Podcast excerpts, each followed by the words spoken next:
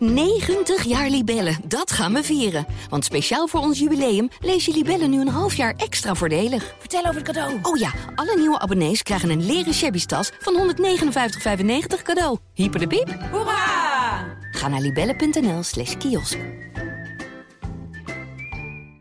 Nou ja, zeg, zitten we potverdorie in een professionele podcaststudio, laat de techniek ons in de steek. Dus deze aflevering is in wat eh, mindere kwaliteit dan jullie van ons gewend zijn. Hij is opgenomen op de mobiel.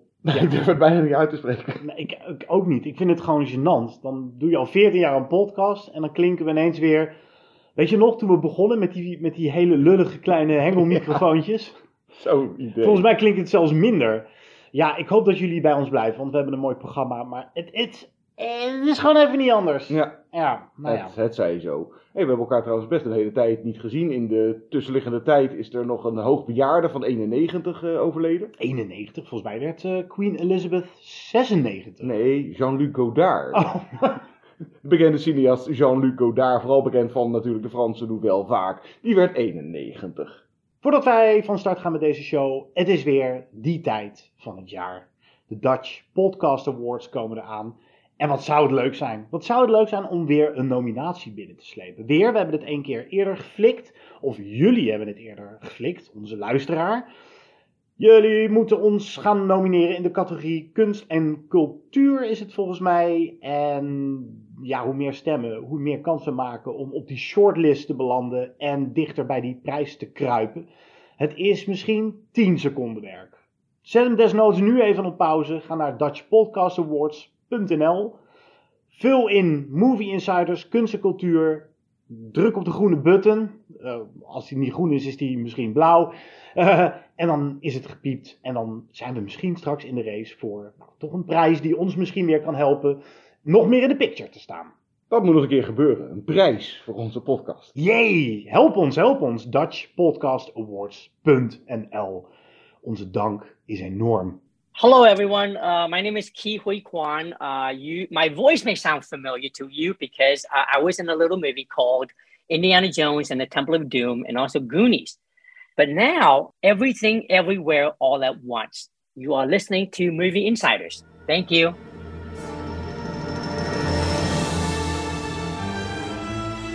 Good evening, ladies and gentlemen. We are tonight's entertainment. Movie Insiders. They're here. Why should I waste my time listening? Because I have a right to be. I have a voice. Groovy. Hallo allemaal, leuk dat je luistert naar deze oudste podcast van Nederland. En oudst klinkende podcast ja, van in dit Nederland. geval wel. Movie Insiders, die je kan vinden op onze site movieinsiders.nl. Je kan ons vinden via Spotify, Apple en Google. Twitter met ons at Movie Inside. Mijn naam is John. En mijn naam is Guido. Good to be back. Ik was in Venetië onder meer en daar zal ik een mini-verslagje van doen later in deze aflevering. Als wij ook ons gaan buigen over het Harry Styles vehikel Don't Worry Darling. Daar was een hoop om te doen. Maar wat vinden we van de film? Daar gaat het natuurlijk vooral om. En of jij Harry Styles gezien hebt. Die heb ik zeker gezien, maar ja, nou ja, echt, er lagen tienermeiden twee nachten voordat hij op de rode loper zou verschijnen, al op, op van die platgedrukte kartonnen dozen te slapen om een glimp op te vangen van die, van die gup. maar goed, Ja. misschien is wel, hebben we een briljante nieuwe acteur erbij. Eh, ook die vraag zal zeker worden gesteld straks in de recensie van Don't Worry Darling. Wat we ook gaan doen, is misschien wel leuk. We gaan een film recenseren die wij eerder hebben besproken in Movie Insiders. Dat is voor het eerst een primeurtje. Maar hier komen we niet onderuit. De re-release van James Cameron's smash hit Avatar. Ja, of de re, re, re, re, re, re-release. Want Zoiets. volgens mij is dat ik al vaak genoeg. Ja, de aanleiding is natuurlijk ook, eh, nou, onder meer de leegte aan blockbusters in de bioscoop. Eh Pathé heb ik even gebeld, jongens. Is er een reden dat jullie ook Jaws weer eens draaien? Die heb ik trouwens eindelijk voor het eerst op IMAX gezien. Dat was Oh, geweldig. ja. Ja, elke kans pakken dat je Jaws kan eh, zien natuurlijk op het grote doek. Maar ook E.T. en nog wat oude Harry Potters, geloof ik, kun je allemaal zien. Want ja, Pathé moet die zalen zien te vullen als er geen grote films draaien. Maar de aanleiding is natuurlijk ook dat er eindelijk een vervolg in zicht is. Eind dit jaar verschijnt Avatar 2, The Way of Water. Ja, heerlijke titel. Wat een klote titel. maar wat blijft er over van de grote blauwe smurfenoptocht van James Cameron? Dat ook later in deze aflevering. Ja, we gaan nog meer doen. Maar eerst eens iets heel anders. We gaan naar Japan. Ja, in dit geval naar het filmfestival Camera Japan, dat er al is sinds 2006. Inmiddels is uitgegroeid tot het grootste Japanse filmfestival in de Benelux. Met een zeer divers programma dat naast Nederlandse, eh, maar ook wereldpremières, draaien wat klassiekers, anime, wat documentaires. Maar daarnaast is er dan ook nog eens aandacht eh, in de filmhuizen waar het draait voor nou, de Japanse cultuur en kunst, eh, muziek, dans en eten. Het voornaamste is, dat is altijd het hoofdprogramma of het hoofdfestival, is in Rotterdam eh, van 22 tot en met 25 september in Lantaren Venster, het filmhuis. En dan uh, tegenwoordig ook nog een ja, part 2 in Amsterdam. Met volgens mij uh, dezelfde films als in Rotterdam draaien. Dus, dus niet dat je speciaal uh, naar beide steden. Kan je ook doen. Als je alle films wil zien, moet je waarschijnlijk en Rotterdam en dan Amsterdam doen. Maar in Amsterdam is het nog van 29 september tot en met 2 oktober in Lab 111. En een aantal van die klassiekers in AI. En ja, wij gaan een van de titels die daar draait nu bespreken. Baby Assassins. ヤクザも女性にとって働きやすい環境を作らねえとな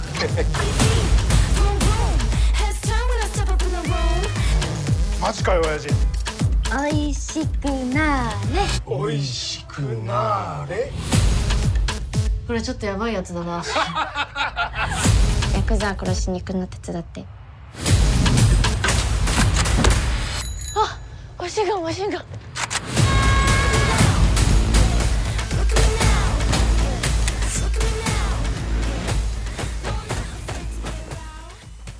Ja, een van de nieuwe titels deze editie van Camera Japan is Baby Waruk Yuri Rei, of Baby Assassins, van de nog maar 26-jarige Yugo Sakamoto. Oh, wauw. Tienermeiden Chisato en Mahiro mogen er dan wel uitzien als onschuldige schoolmeisjes, maar ze blijken koelbloedige huurmoordenaars te zijn. Als ze door hun bazen worden gevraagd om samen te wo gaan wonen in, in, een appartement, omdat dat komt handig uit. En dan als dekmantel uh, gewoon doodnormaal baantje erbij te nemen in, laat even zeggen, een themacafé. Hebben we het zo nog wel even over. Nou, en dan bij Chisato's baan komt zij in conflict met lokale Yakuza die daar ook een kopje koffie komen drinken. Ja, de maffia van Japan is dat. Yes. Nou, Guido, genoten van deze maffe mix van slacker comedy en actiefilm met uitbundig geweld? Slacker comedy? Ja. Wat moeten we dan nog uitleggen aan onze luisteraar wat dat is? Ja, slackers, dat, zijn, dat is eigenlijk al een term uit, dat is ook wel best wel een Ja, oude 90. term. Ja, 90. Ja, van die, nou, de, de verveelde tiener die maar op de bank hangt en geen zin heeft. En nou, dat schijnt in Gen Z of misschien de nieuwe generatie nog wel erger te zijn. Want nu hebben ze die mobieltjes. Dus kan je al helemaal de hele dag op de bank hangen. En alleen maar op je mobiel naar TikTok of, eh, of een spelletje doen of eh, zoiets. Ja, je hebt het over Gen Z. Het is wel grappig. Deze film zou een mooie double feature kunnen zijn met die eh, Amerikaanse debuutfilm van Halina Rijn. Bodies, Bodies, Bodies. Heb je die inmiddels gezien? Nee, nog niet. En moet je zeker doen. Dat is een alleraardigste film die ook Gen Z op de hak neemt. Oftewel, nou, de slackers van nu die zich ook op een andere manier vervelen. Kijk, zij hebben hun mobieltjes om zich eh, een beetje te vermaken. Maar deze twee, Mahiro en Chisato, zijn, nou ja, ook gewoon afgestudeerd. Ze zijn allebei afgestudeerd. En dat geeft deze gekke mix, want er zit heel veel actie in, er zit heel veel humor in. Maar het heeft ook een maatschappij kritisch randje. Ah, als je het erin wil zoeken. Ja, Nou ja, een beetje. je ze Ja. zijn afgestudeerd. Ik denk dat het eh, voor heel veel, eh, ik hou de term er gewoon in, slackers van nu, Hmm. misschien wel eh, bekend voorkomt. Niet dat je huurmoordenaar wordt, maar wel dat je afgestudeerd bent en vervolgens geen aardige baan kan vinden. Ja, en een beetje satire inderdaad over nou, Wat doe je deze dan? generatie en eh, de volwa ja, het volwassenwordingsproces waar er heel veel tegenaan lopen. Omdat er, nou ja, dus vanuit zichzelf zijn ze een beetje gewend aan ik heb geen zin en ik wil niet en dat. en dat. Ja, En dan, ja, je moet toch weer ja, een volgende stap in je leven gaan nemen. Ja, en dat is eh, toch een aardig satirisch randje. En waarom het werkt is, het is toch net iets meer dan een geschifte actiecomedy. Mm. Ook vooral vanwege de geweldige actrices. Ik Ja. heb die namen niet opgeschreven, Nou, maar ik heb van de eh, eentje heb ik, eh, maar ja, inderdaad, ze zijn allebei heerlijk. Maar die Saori Izawa, eh, die ook eigenlijk de stuntvrouw. En Oh, dat wist ik niet. Dus dat is meer de, de- je hebt eigenlijk één van de twee die doet meer vechten en de ander doet meer schieten. Eh, en meer zullen we niet verklappen, maar. ja, precies. En Mahiro is dan de zwijgzame van de twee? eh, nee, dat is die. eh, Chisato. Ja, die, ja. Dankjewel. Oké, we gaan... We, we- We, gaan het, we halen ze allemaal door. We halen ze door elkaar. Chisato is inderdaad de nou, nogal ingetogen dame. En Mahiro is de spring in het veld. Eigenlijk uiten ze hun verveling allebei op een hele andere manier. Zij implodeert en zij explodeert. Ja. Maar het griezelige is, ik vond het, ehm, op, ik, ik kon er steeds meer de lol van inzien. Maar je gaat je ook steeds meer beseffen hoe, hoe eng dit is. Hmm. Want de manier waarop zij met geweld omgaan, alsof het echt de normaalste zaak van de wereld is, dat heb ik eigenlijk denk ik nooit zo verbeeld gezien in een film. Je hebt altijd wel de coole gangster en het zal hem aan zijn reet roesten hoeveel slachtoffers hij of zij maakt. Maar hier is het echt, het is een wegwerpactiviteit. Mensen eh, kapot schieten, doodmaken, omleggen. Het, is, het, het, het interesseert ze echt helemaal niks. En het gebeurt ook nog eens in een omgeving waarin ze zich geen zorgen lijken te hoeven maken om de komst van de politie. Of de, de grootste gevaren die op de loer liggen zijn nou ja, Yakuza, de. Yakuza, Ja. inderdaad. Dus, en dat eh maffiapraktijken zich met elkaar gaan mengen. En dan wordt het link voor deze dames. Maar ik, ik, het is griezelig. En dat randje wordt mooi opgezocht eh, door de regisseur. Dat is dus die Yugo Sakamoto. Ik ken dus inderdaad... Ik, is dit zijn debuutfilm als hij nog zo jong is? Eh, hij heeft wel iets gedaan, maar of dit zijn speelfilmdebuut, eh, nou ja, dat, dat zou ik even op moeten zoeken. Maar, nou ja, wat jij, wat jij zegt, dat. En, nou ja, dat ze alleen, eh, eh, dat gevoel krijg je af en toe een beetje, alleen lol hebben. Of nou, ze, ze, laten we het zo zeggen. Ze excelleren wel in hun, laten we het even hun werk noemen. Ze zijn daar zeer bedreven in. En het, ja, daar zit een hele hoop zwarte humor komt erbij kijken. Daar bijvoorbeeld ook de, laat ik het even, de evaluatiegesprekjes met de opdrachtgever of, of zoiets, met hun baas. Dat vond ik al eh hilaar, die dan dus ook aan hun vertelt van, de, ja nee, eh, ja, jullie gaan samen in een appartement en dan moet je, nou ja, een bijbaantje en dan komen ze in zo'n, ik ben nog niet in Japan geweest, maar zo'n themacafé waar ze dan al zo'n anime figuurtje en miauw miauw en, en dat soort... eh, Ja, dat, ook dat is ja. best wel creepy. Want er zitten allemaal volwassen mannen in dat café... die dan eigenlijk als een soort van kind behandeld willen worden. Maar het, het droogkomische van eh, nou, deze twee karakters, hè, ook oh, zeg maar, dan samen zitten te eten met zo'n hotpot. En, eh, of dan ja, ook eh, ja, slekker en een beetje slonzig. Want Chisato is dat toch, die is ook telkens de pistool weer kwijt. En, het magazijn van de pistool is dan meegewassen in, Oh de, ja, in de wasmachine. Is de wasmachine stuk gegaan. Dus Maar het lijkt wel alsof zij veel meer in hun maag zitten met... klikken wij als, hoe zeg je dat? Ja, als- huisgenoten. ja. Dan dat ze zich zorgen maken om gesnapt te worden als assassin. ja. En ik denk dat dat ook een satirisch randje is van deze film. Dat, het lijkt wel alsof ze dit ongezien kunnen en mogen doen. Dat zit hem ook in die gesprekken die ze met hun werkgever hebben. Die inderdaad ook heel droog zegt. Nou, jullie hebben het best wel goed gedaan. Maar we willen nog. Jullie moeten even een bijbaantje gaan zoeken enzovoort. Dat gebeurt nou niet in een mega afgelegen locatie in Nee. een loods of zo. Maar ook gewoon in een restaurant waar iedereen lekker aan het eten is. Waar ze makkelijk iets van die gesprekken kunnen opvangen. En Ja, ik denk dat dat het- de meerwaarde Ja, is van je moet het allemaal eh, niet te, te, serie- te serieus nemen. Nee. Dat, dat, dat zeker niet. Nee. En plus dan, nee, maar het eh, maakt het wel meer dan een geintje. Ja, Ja, en dan eh, moeten we de actie eh, nog even vermelden. Die ook een beetje, nou, zeker qua choreografie moet je misschien ook wel een beetje aan de John Wick-achtige actie. Want die Saori Izawa, die, die studentvrouw, nou, zeker aan het einde leeft misschien wel het gaafste gevecht of een goede kandidaat voor het gaafste gevecht van het jaar op. En nou, je hebt dan aan het begin en aan het eind heb je best even een lekkere actiescène. En daartussen zit eigenlijk de rest. En dat levert inderdaad ook wel weer vooral grappige situaties en, en eh, leuke interacties tussen de twee actrices en dat soort dingen op. Maar eh, je mist eigenlijk in het midden van de film nog even een, een, een, geweldsuitbarsting of zo. Eh, Ja, maar, de film doet het daar dus niet Nee. per se om. Wat ik heel gaaf vond aan de gevechtscènes is dat ze... ze zijn heel slick om te zien. En er zit een mooie choreografie achter. Dit zijn duidelijk... nou, dit is gewoon martial arts bijna waar je naar zit te kijken. En toch heeft het iets rommeligs. Eh, toch eh, heb je niet het gevoel dat je zit te kijken naar een iets te gestileerde John Wick actiefilm.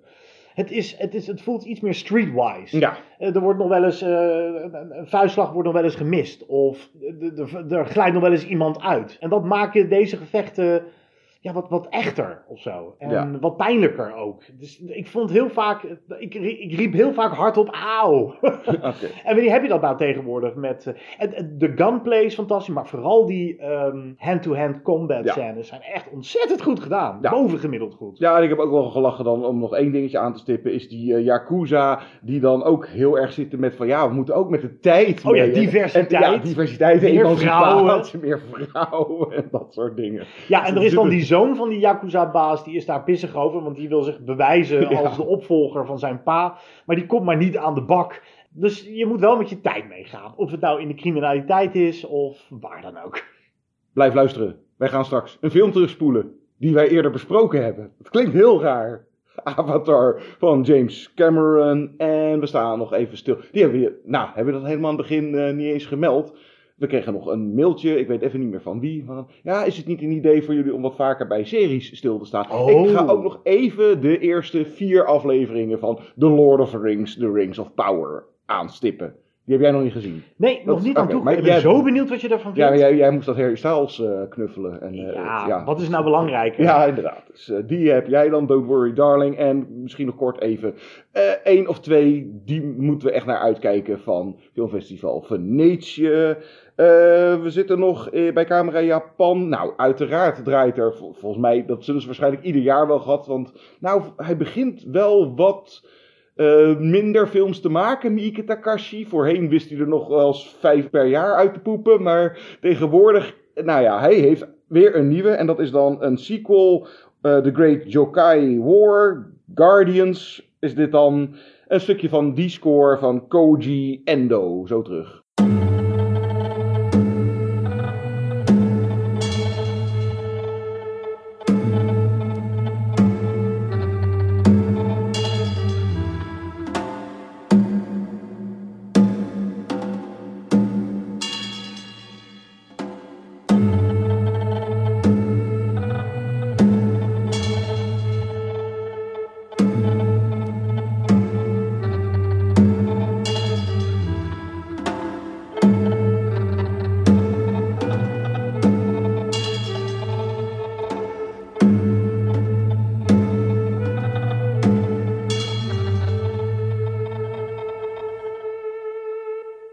The Godfather had I Make You an Offer You Can Refuse.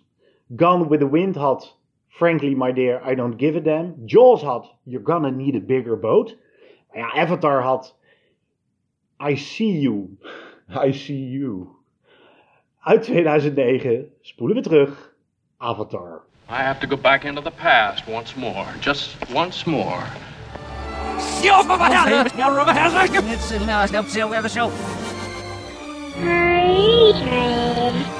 Seriously, you. You're living in the fucking past. 3,000 years of beautiful tradition from Moses to Sandy Koufax. You're goddamn right I'm living in the fucking past!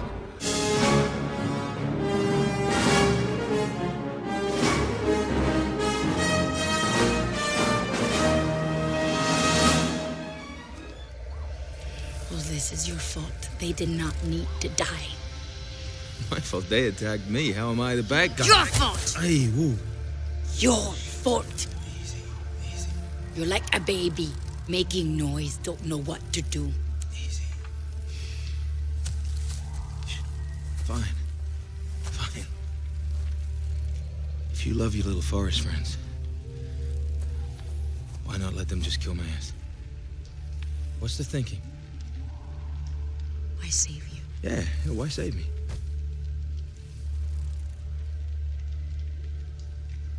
You have a strong heart. No fear.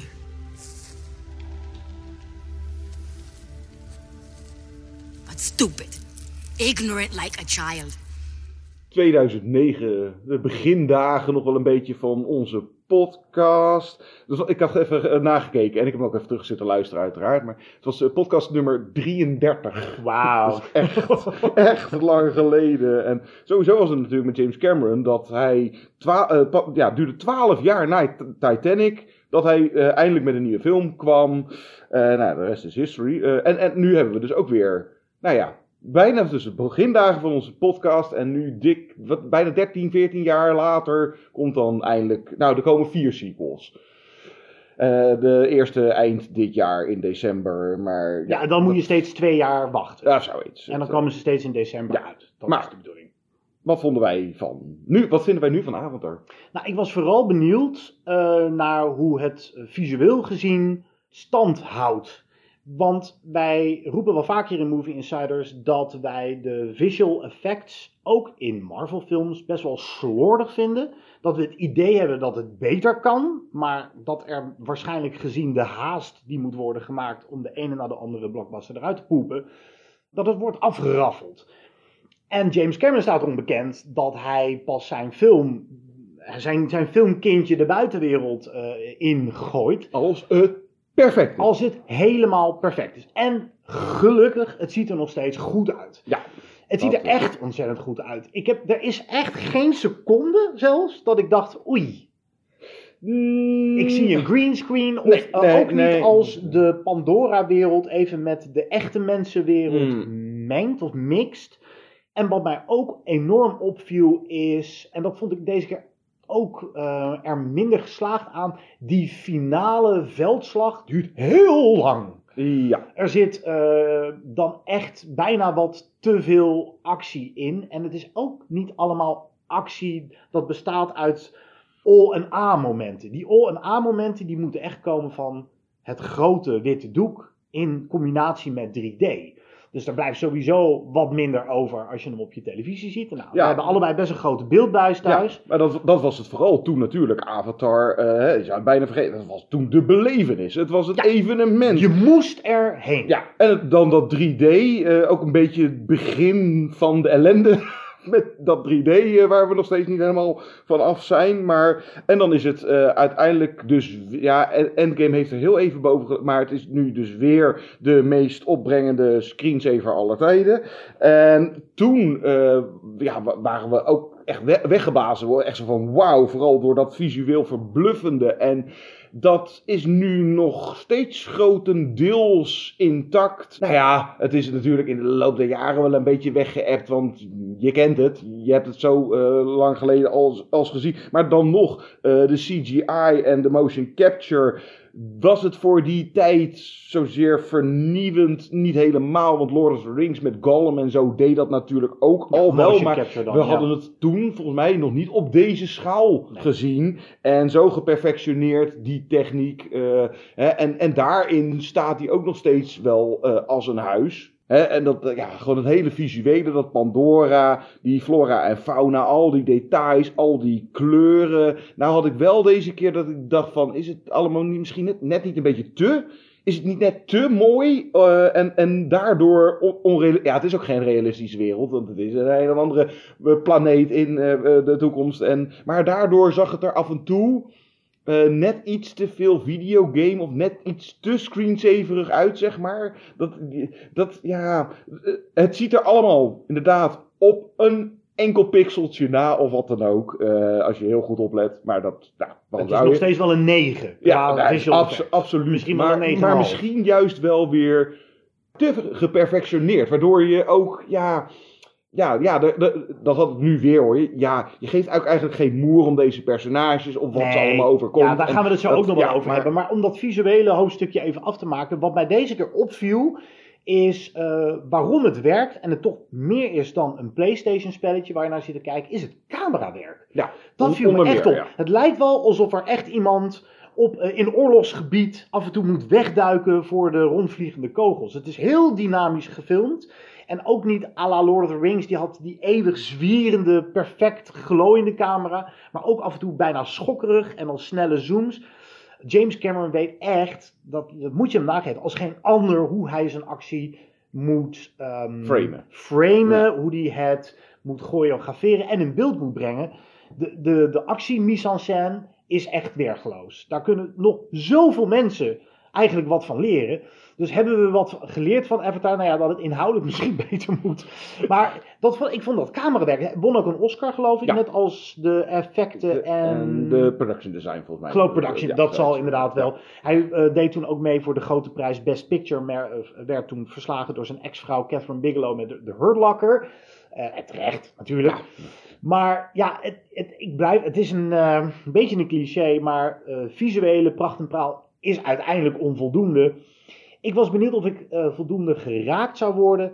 Eh, het antwoord is nee, en dat ligt Maar dat hadden we volgens mij toen ook niet. Of, Nee, maar- niet- ook, ook niet echt voldoende. Ja, maar ik dacht van, nou ja, toen waren we vooral helemaal overdonderd. door het visuele. maar waren we ook zeker. We waren best nog kritisch. eh, nou ja, vooral Ja, dus op op- het script en zo. Het- Ja, de dialogen zijn niet al te best, maar eh, een Zoe Saldana als Neytiri doet het eigenlijk ook best wel heel goed. Het Ja. ligt ook niet aan haar. Het zit hem echt in de teksten. En toch ook, ja, het spijt me, eh, Sam Worthington, mocht Ja. je luisteren.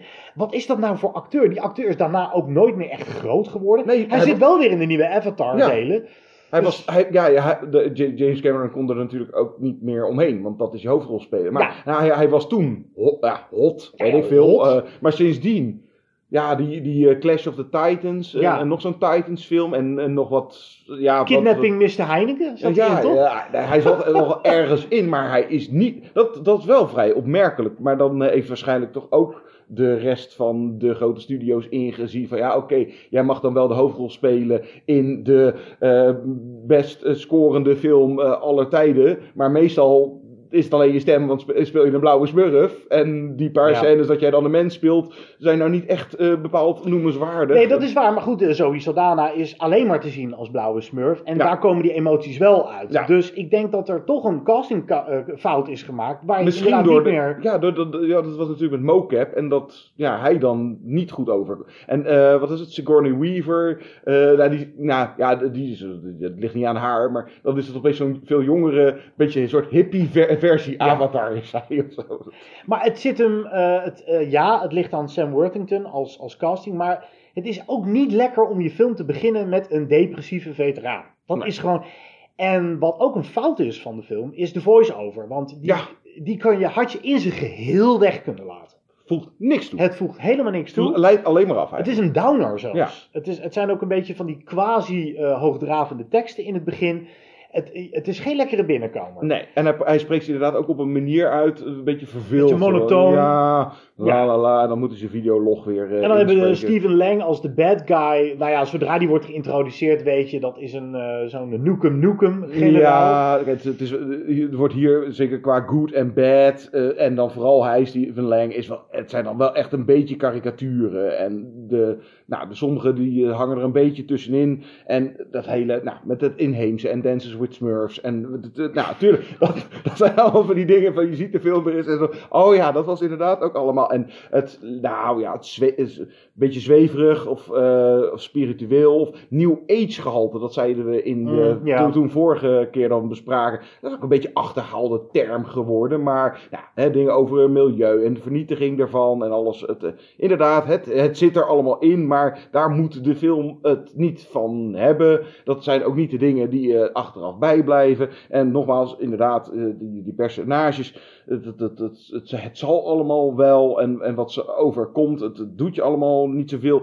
Kan inderdaad ook nog meespelen, omdat het overgrote deel, het zijn geen mensen. Dus dan heb je wat moeilijker er een klik mee. Ik zag nu trouwens de extended cut. Die duurt dan op een paar minuten na drie uur. Oh. Eh, wat een flinke zit is. Maar dan nog, de film verveelt eigenlijk nooit. Je hebt Nee. wel wat momenten dat die, zeker halverwege... eh zit er even wat minder actie in. En het is dan, nou, het is, je, je ben je nog steeds aan het verwonderen naar die hele wereld die hij daar geschapen heeft. En, en de eh, actie, avontuur, spektakel, het, het entertainment. Nog steeds is het eigenlijk een soort van belevenis. Je kijkt er alleen nu, zoveel jaren later, ja, net even anders naar. Ook omdat je hem nou, eh, weer ziet. Dat zal de derde of de vierde keer zien. En niet voor het eerst eh, helemaal. Wauw, wat zien we nu? Eh, en, en niet op een bioscoopscherm.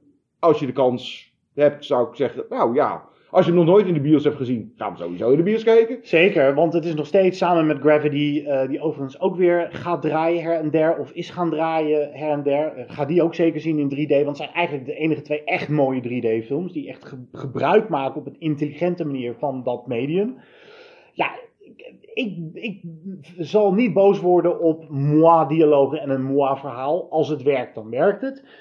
Ehm, Titanic werkt het misschien wel beter. ja, eh, dat is ook geen Kurosawa waar Nee. naar zit te kijken. Maar het emotioneert wel. En hier voelde ik de ontroering niet. Het is hooguit dat, dat, dat vond ik wel een ontroerend shot. Dat vond ik de eerste keer al dat hij dan in zijn mensenlichaam naast, die, eh, eh, naast dat bed ligt. En ja. Na- Neytiri, die veel groter is, Hmm. houdt hem in haar handen. Dat heeft iets. Maar voor de rest, nou, je moet het James Cameron nageven.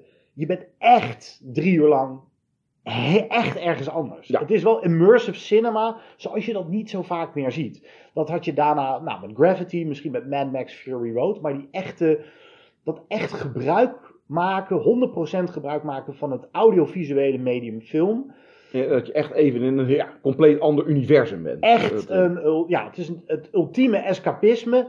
Maar nou ja, het is het net niet ultieme escapisme. Want als je ook nog terug verlangt naar die wereld. Of je neemt de, eh, het, het liefdesverhaal en de tragiek van het verhaal neem je mee naar huis. Nee.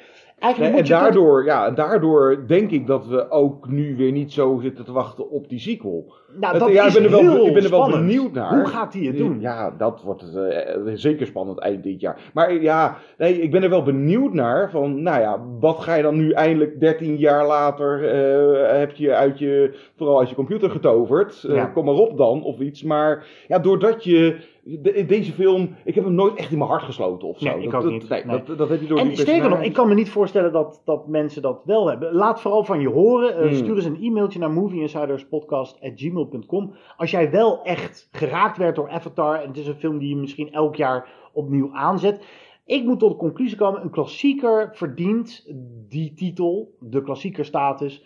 Als er bijvoorbeeld, nou, eh, we maakten er al een geintje over, een legendarische quote in zit. Of een scène die altijd zal bijblijven. Ik, daar zit niks van in, eigenlijk, bij Avatar. Wat is de, de culturele erfenis van Avatar? Waar hebben we het dan nog met z'n allen over? Dan hebben we het niet over de ontroering, dan hebben we het over Het visuele. het visuele en hoe achterlijk veel geld het heeft opgebracht. Ja, nee, dat ja. Dus ja, klassieker, nou ja, dus op visueel vak. En daarin heeft hij de tand destijds absoluut wel doorstaan. Ja, nee, bij klassieker, nog eerder dan kom ik toch, in het geval van James Cameron, ga je dan aan Titanic denken. Ja, zeker. Maar kijk, ja, eh, eh, inderdaad, de opbrengst en, en eh, noem het allemaal maar. Kijk, Titan, of nee, Avatar. Avatar, ja, hij heeft zijn plekje in de filmgeschiedenis, nou ja, deels verdiend. Ja, eens. Ja. Ja. en als je hem dan gaat zien, zie hem dan in de bioscoop. Eh, ja, wij gaan zeker recenseren eh, als die uitkomt. The Way of Water. Ik zeg het nog maar eens. Heb je de, die andere titels ook voorbij zien komen? Dat Nee. is nog, ja, dat is echt zo The Quest for Era en dat soort, dat soort Oh. Ja, Nou, ik hou mijn hart een beetje vast. ja, ik ben ook, eh, gaat dat goed komen? Laten we even op adem komen met een stukje uit de ja, weergeloze score. De score is fantastisch. Van wijlen componist James Horner. Blijf luisteren.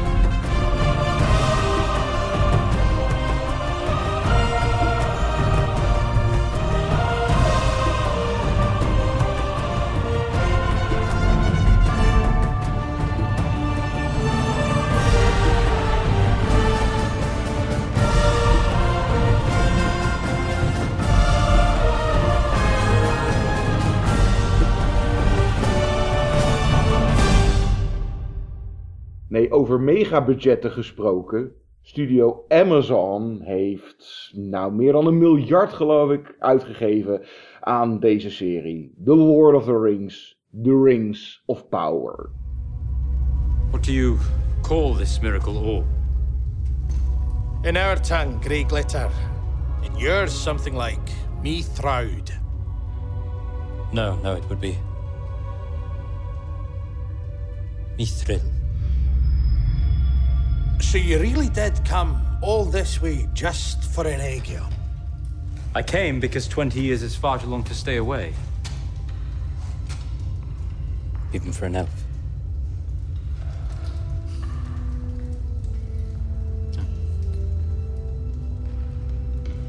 Keep it. Talking of our friendship.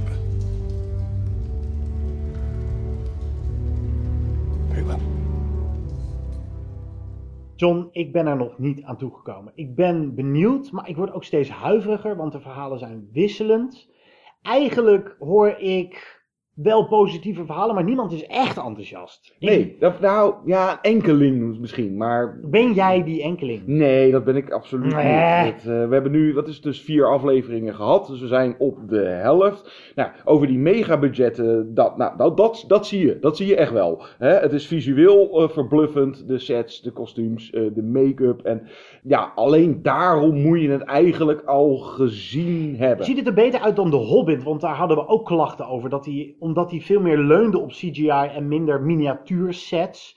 Zag het er gewoon wat minder imposant uit? Hoe, hoe is dat Ja, bij hier is het sowieso ziet het er beter uit. Nou, ik heb er nog net niet aandachtig genoeg naar zitten kijken om te kunnen eh, definiëren of dat die stad. Ja, het zal wel volledig uit de computer komen. Want als je inderdaad een budget van 1 miljard, dan mag ik ook aannemen dat je ook eh, de allerbeste CGI en, en dat soort dingen. Of dat er ja, deels, nou ja, er zijn ook enorme sets natuurlijk.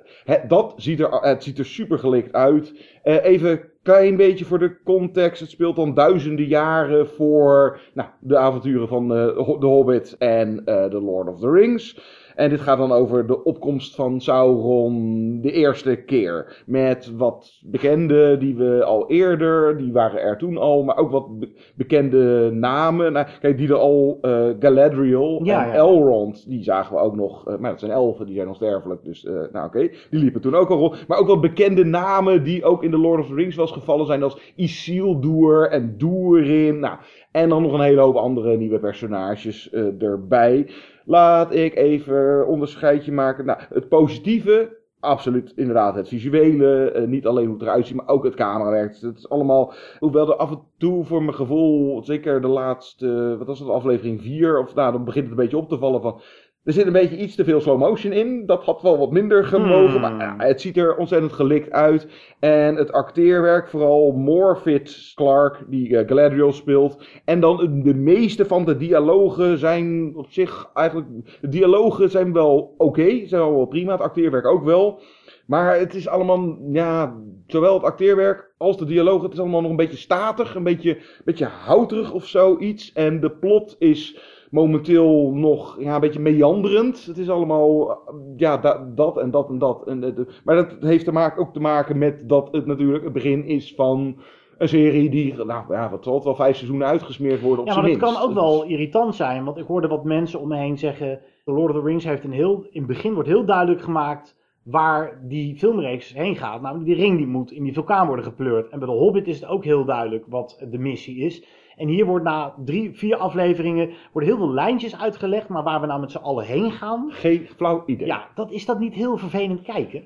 Ehm, ja en nee. Nou, de- nou ja, Game of Thrones had dat ook een beetje. Ja, nou ja, je bent, dat, dat moet ik het dan nog wel, eh, de- nou ja, de prijzen weet ik niet, maar hè, je bent wel benieuwd van, hé, hey, Oké. waar gaat dat dan? Of wie is dat dan? Of, of nou, dat dan. Maar ik, ik weet niet, wat, wat zou beter werken? Dat, is, eh, dat je van tevoren al weet hoe het, nou ja, je weet waarschijnlijk eigenlijk dat het gaat eindigen met de Rings of Power, Sauron, die... eh, eh, nou, die eindstrijd die we eigenlijk helemaal aan het begin van The Fellowship of the Ring zagen. Juist. Dat, dat zou volgens mij in potentie het einde moeten zijn van The Rings of Hm. Power. Denk ik. Maar misschien denk ik nu te ver eh, door. Eh, even denken hoor, positief. Eh, ja, de muziek is ook goed van Bear McCreary. Daar kunnen we misschien straks mee uit.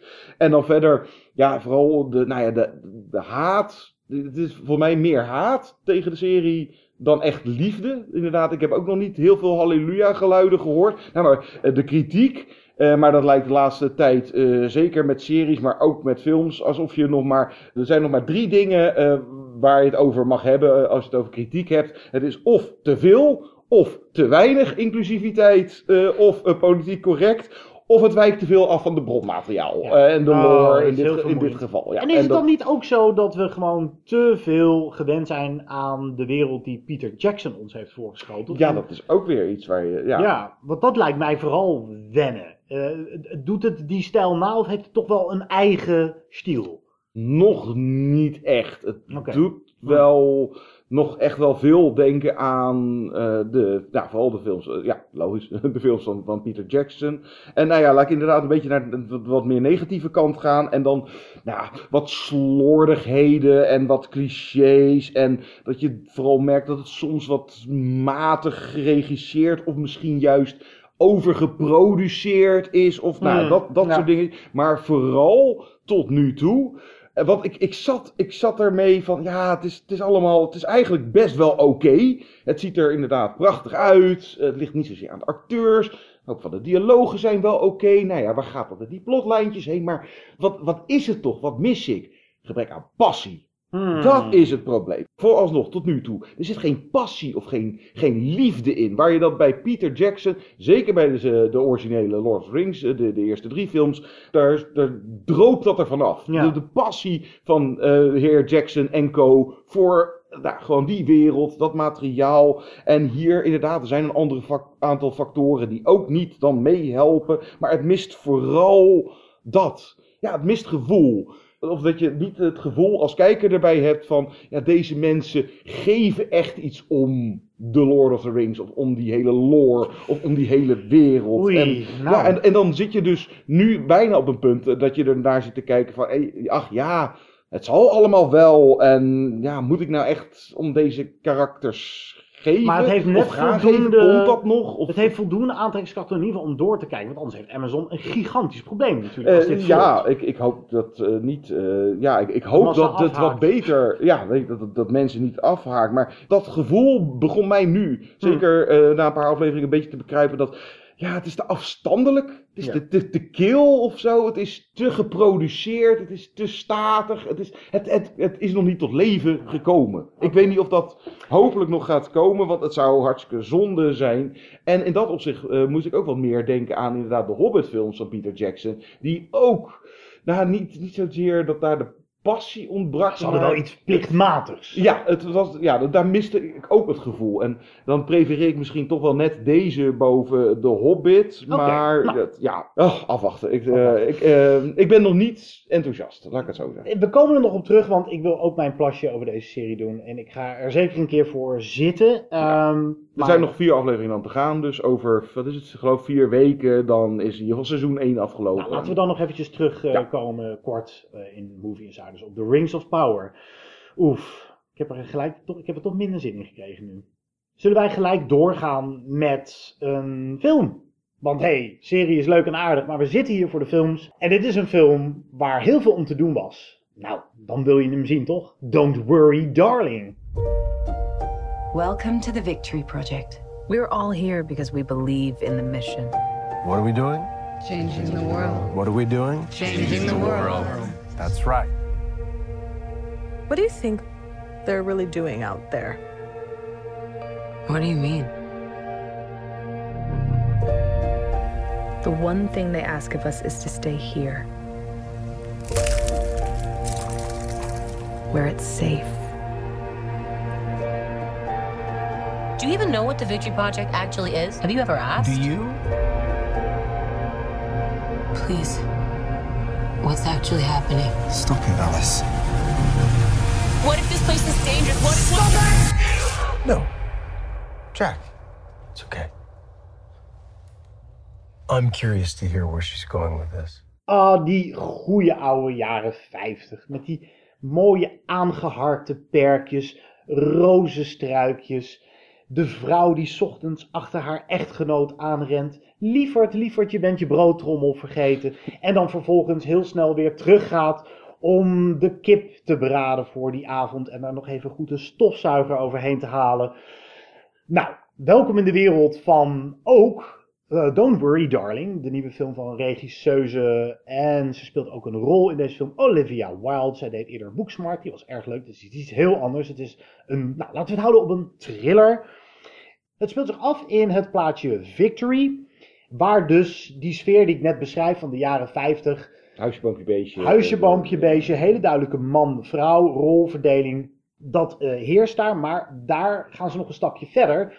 De mannen eh, doen allemaal hetzelfde werk. Maar mogen daar niet met hun vrouwen over praten. En die vrouwen leggen zich daarbij neer. Dat laatste vond ik een van de meest interessante aspecten van Don't Worry Darling. Maar het blijkt ook een van de grote plotgaten te zijn van Don't Worry Darling. Dat, dat nooit iemand eerder dacht van, ja, maar dat accepteer ik niet. Ik wil wel weten wat, me, wat mijn vent doet voor werk. Maar goed, het gaat dus eigenlijk over het stiekem terugverlangen misschien wel naar dat hele afgemeten, duidelijke, afgebakende hokjesdenken, hokjeswereldje. Maar ja, hier is natuurlijk iets aan de hand. Gelukkig is Florence Pugh iemand die ook in Midsommar ook zo graag wilde weten wat er nou echt aan de hand was. Dat is hier ook. Zij is gelukkig getrouwd met Harry Styles. Ze hebben nog wel eens seks. eh, en dat, nou, ze hebben geen kinderen. Het, het- Ja, die, ja die, eh, dat was ook zo'n hele ophef over. eh, dat, er zat geloof ik al een fragment van een seconde of twee in de trailer. En heel meisjes internet ontplofte Harry Styles. Wat krijg je van een. Wat krijg, vertel je er, wat krijg je van Harry Styles te zien? nou ja, Ding heel of, weinig. eh, Nee, je krijgt oh, zeker niet zijn eh, klokkenspel eh, te zien. Hey, jammer. Ja, Voor de, voor de meisjes. er zit een bescheiden befscène in en een vluggetje. Ah, Dat was het. nou. Ja, ik heb, het, ik heb erop gelet omdat eh, mijn AD-lezer dat ook heel graag wil weten oké. natuurlijk. Eh, en ik was er nieuwsgierig naar, want het zou een, een, een, film vol seks zijn. Nou, dat, is, dat is echt, nou, daar hoef je niet Ja. voor te kijken. Maar goed, anyway, het perfecte leventje. Florence Pugh getrouwd met eh, Har- Harry Styles dan in dit geval. En die ziet op een gegeven moment een vliegtuig neerstorten en denkt van, ja, ik wil, oh my god, er zijn de passagiers gesneuveld. En vanaf dat moment gaat zij op onderzoek uit. Eh, Krijgt ze ook hallucinaties, er is iets aan de hand. Dus gaan we samen met haar als kijker het mysterie van Victory, de woongemeenschap, laat ik het zo maar noemen, ontrafelen. En dan zit er vervolgens een twist in die we niet moeten weggeven. Ehm, deze film had wel potentie, vond ik. Maar ze slaat de plank mis. Of- Ja, heb jij Florence, nee, ik heb hem niet gezien. Jij hebt hem inmiddels En- nog en- niet en gezien. Als ik eh, zo afga op de kritiek. eh, en ja, de, die hele Harry Styles. ik- als die voor mijn neus zou staan, zou ik waarschijnlijk nog zoiets hebben van wie ben jij dan? Ik ken die hele gast niet. Nou, eh, kijk, ehm, ik vind het niet erg dat je probeert met een grote popster, Mm. dat je op die manier publiek wil trekken. En misschien zit er wel een grote ster in die jongen voor. Hij is niet slecht, hij is alleen, hij is wel lerende of zo. Dus Ah, het zou zomaar kunnen dat we over een paar jaar wel enthousiast zijn over Harry Styles. Kijk, Florence Pugh is gewoon verschrikkelijk goed. Dat is een van de beste actrices van haar generatie die we hebben. En zij heeft eh, samen met Midsommar bewezen nu. Dat is de actrice die je wil hebben als je een personage nodig hebt die eh, hysterisch wordt en achter een, een schokkende waarheid komt en dan flipt. Dat, dat, er is niemand beter die dat, die, die dat beter Ja. kan doen dan Florence Pugh.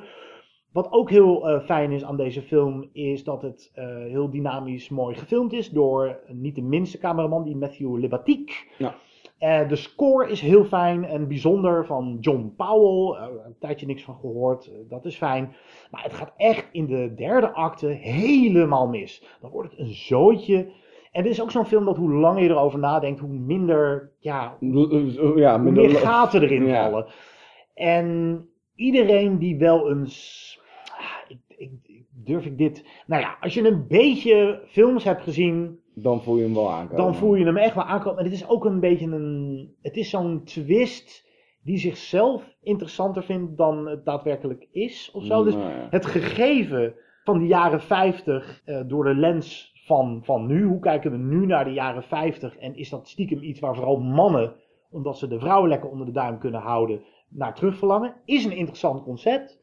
Maar daar moet een draai aan gegeven worden die het met terugwerkende kracht allemaal behoorlijk naar beneden haalt. Het is net geen. Het is Florence Pugh maakt het de moeite waard. Eh, de look en feel maakt het redelijk de moeite waard, maar je kan hem overslaan. Ja, dat was ik ook wel een beetje van plan. Toen ik Ja. echt even niks anders eh, kan bedenken. Wat Maar ik, in, eh, in Venetië was iedereen helemaal wild vanwege Harry Styles. Maar ook omdat er ontzettend veel gedoe was. Want eerst zou Shia LaBeouf de hoofdrol spelen. Die werd door Olivia Wilde ontslagen. Om een reden waar Shia LaBeouf het niet mee eens was. Nou, Shia LaBeouf kennende, die ging allerlei vlogs maken. eh, om te zeggen, dat is niet waar. En die ging Olivia Wilde helemaal zwart maken. En toen heeft ze Harry Styles gecast. En Harry heeft Styles gecast. nu een relatie mee. Daar heeft ze nu een En- relatie mee. En daar zou Florence Pugh zich weer helemaal de, de, de, de, de tering aan hebben geërgerd. Omdat die de hele tijd aan het fozen waren op de set. Dat eh, zorgde voor enorm veel oponthoud. En ik vond het leuk om in Venetië, was de wereldpremière van deze film. En waren ze allemaal op de rode loper. Nou, Florence Pugh was niet aanwezig bij de persconferentie. Ja, lekker sappig. Dan Mm. denkt iedereen van, oh, ze is er niet. Oh mijn god. Ze kwam wel ehm, op de rode loper, maar fashionably late. Mm. Ehm, er werd wel voorzichtig een knuffeltje gegeven na de standaard staande ovatie die je Mm. altijd krijgt bij een filmfestival. Of je nou... Daar doen ze, dat, dat boer doen ze, dat... Nee, dat is meer een kan-ding. Oké. Ja, in Cannes heb je boegeroep. En Of in- eh, applaus. Ja, of applaus. En in Venetië we alleen maar staande ovaties. Ah, maar goed, ehm, ja, zelden werd een film zo geplaagd tussen aanhalingstekens. Het komt de film ook wel weer goed uit, denk ik. Ja, dan is die meer Bad publicity is ook eh, publicity. ja, met, eh, Ehm, maar er was zelden zoveel, uh, lang geleden dat ik kan herinneren dat zoveel gedoe was op de set. Of de achter, ah, dat het achter de schermen verhaal interessanter is dan de film. Nou, oké. Maar wat zag je op Venetië waar we echt absoluut naar uit moeten kijken? Stip er eens even één of twee aan die... Ja, nou ja, Oh, goed. daar, ja, daar moeten we... Nou, waar ik het heel graag met jou over wil hebben, maar dat gaat niet gebeuren, omdat jij die waarschijnlijk met Jasper gaat bespreken in de volgende podcast, is Blond over het leven van Marilyn Monroe. mhm. Dat is de nieuwe film van Andrew Dominic en ik vond hem geweldig. Maar eh, hij valt niet bij iedereen in de smaak. Ook op Rotten Tomatoes staat hij zo rond de 60% geloof ik. Hij schommelt behoorlijk. eh, daar kun je echt een goede discussie over voeren. Maar Ben ik vond het prachtig. Ja, ik heb hem gewoon eigenlijk in een gulle bui vijf sterren gegeven.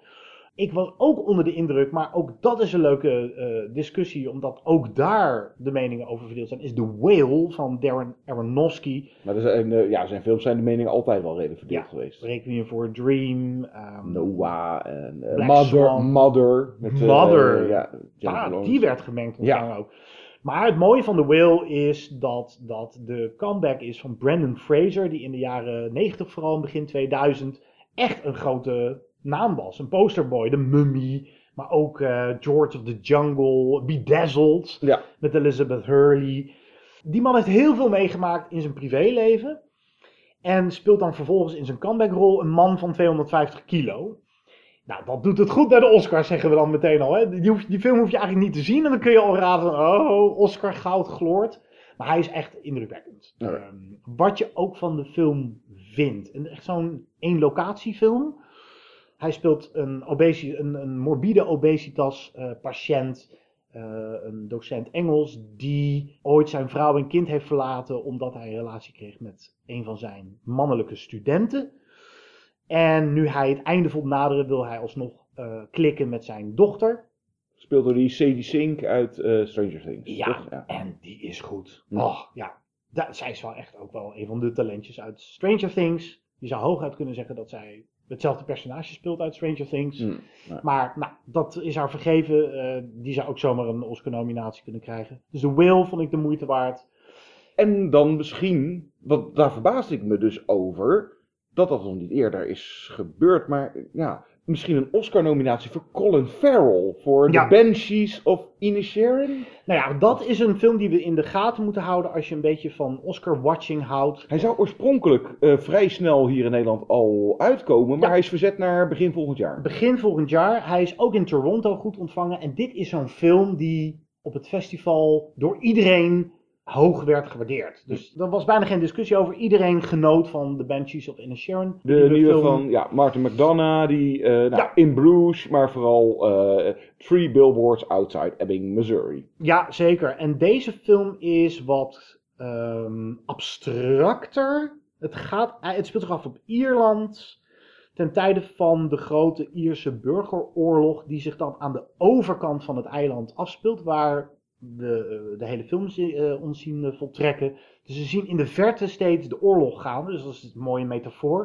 Maar het verhaal is heel simpel. Het gaat over Colin Farrell. Die gaat naar zijn beste vriend toe, gespeeld door Brandon Gleeson. En die zegt van de een op de andere dag: Ik wil jouw vriendje niet meer zijn. En dat was het eigenlijk. Van, vanaf daar ontvouwt zich het verhaal, het drama van een man die zegt: Ja, ik heb wel wat beters te doen dan met jou in de kroeg hangen. Ik wil nog wat van mijn leven maken en daar heb ik jou helemaal niet bij nodig. Maar Colin Farrell, ja, won heel onverwacht beste acteur. Iedereen dacht dat hij dus naar Brandon Fraser zou gaan voor The Whale. Dat zou mij niks verbazen. Dat, dit is ook een beetje, hij is geweldig hoor, maar dat is ook een beetje de categorie. Colin Farrell is zo'n altijd gewaardeerde acteur. Gaat al lang mee, maar hij is nog niet eens zo heel oud eigenlijk. Hij is niet zo heel oud, Nee, maar hij is ook nog, eh, nog nooit genomineerd geweest Nee. voor een Oscar. Nee, daarom. Dus dat zou, eh, dat, Dat daar verbaas ik me over van. Dat eh, moet wel een keertje gebeuren dan. Eh we moeten veel meer Ja. zien of het terecht is, maar... En Brandon Fraser, dat zou... Dat, überhaupt is dat een giller. Brandon Fraser met een Oscar of nominatie. Ja, dat zou helemaal een giller zijn. Nou, ik heb heel veel mooie films gezien, maar hier hou ik het even bij. Ehm, ik zag vooral ook, ik zag een hele mooie film uit Frankrijk, Saint-Omer. Die vond ik heel erg Hmm. mooi. Ik zag de nieuwe van Jafar Panahi, die is heel erg mooi. Ik, ik Ja, de meeste van die titels moeten we voorlopig even op wachten. Ja. Ik geloof dat de eerste eh, van de titels die hier de bioscoop haalt is de Sun van eh, Florian Zeller. Ja, die heb ik ook eh, inmiddels gezien. Dat is dus de spiritueel opvolger van The Father. Anthony Hopkins heeft een bijrol in deze film, maar het, heeft, het vertelt een heel ander verhaal.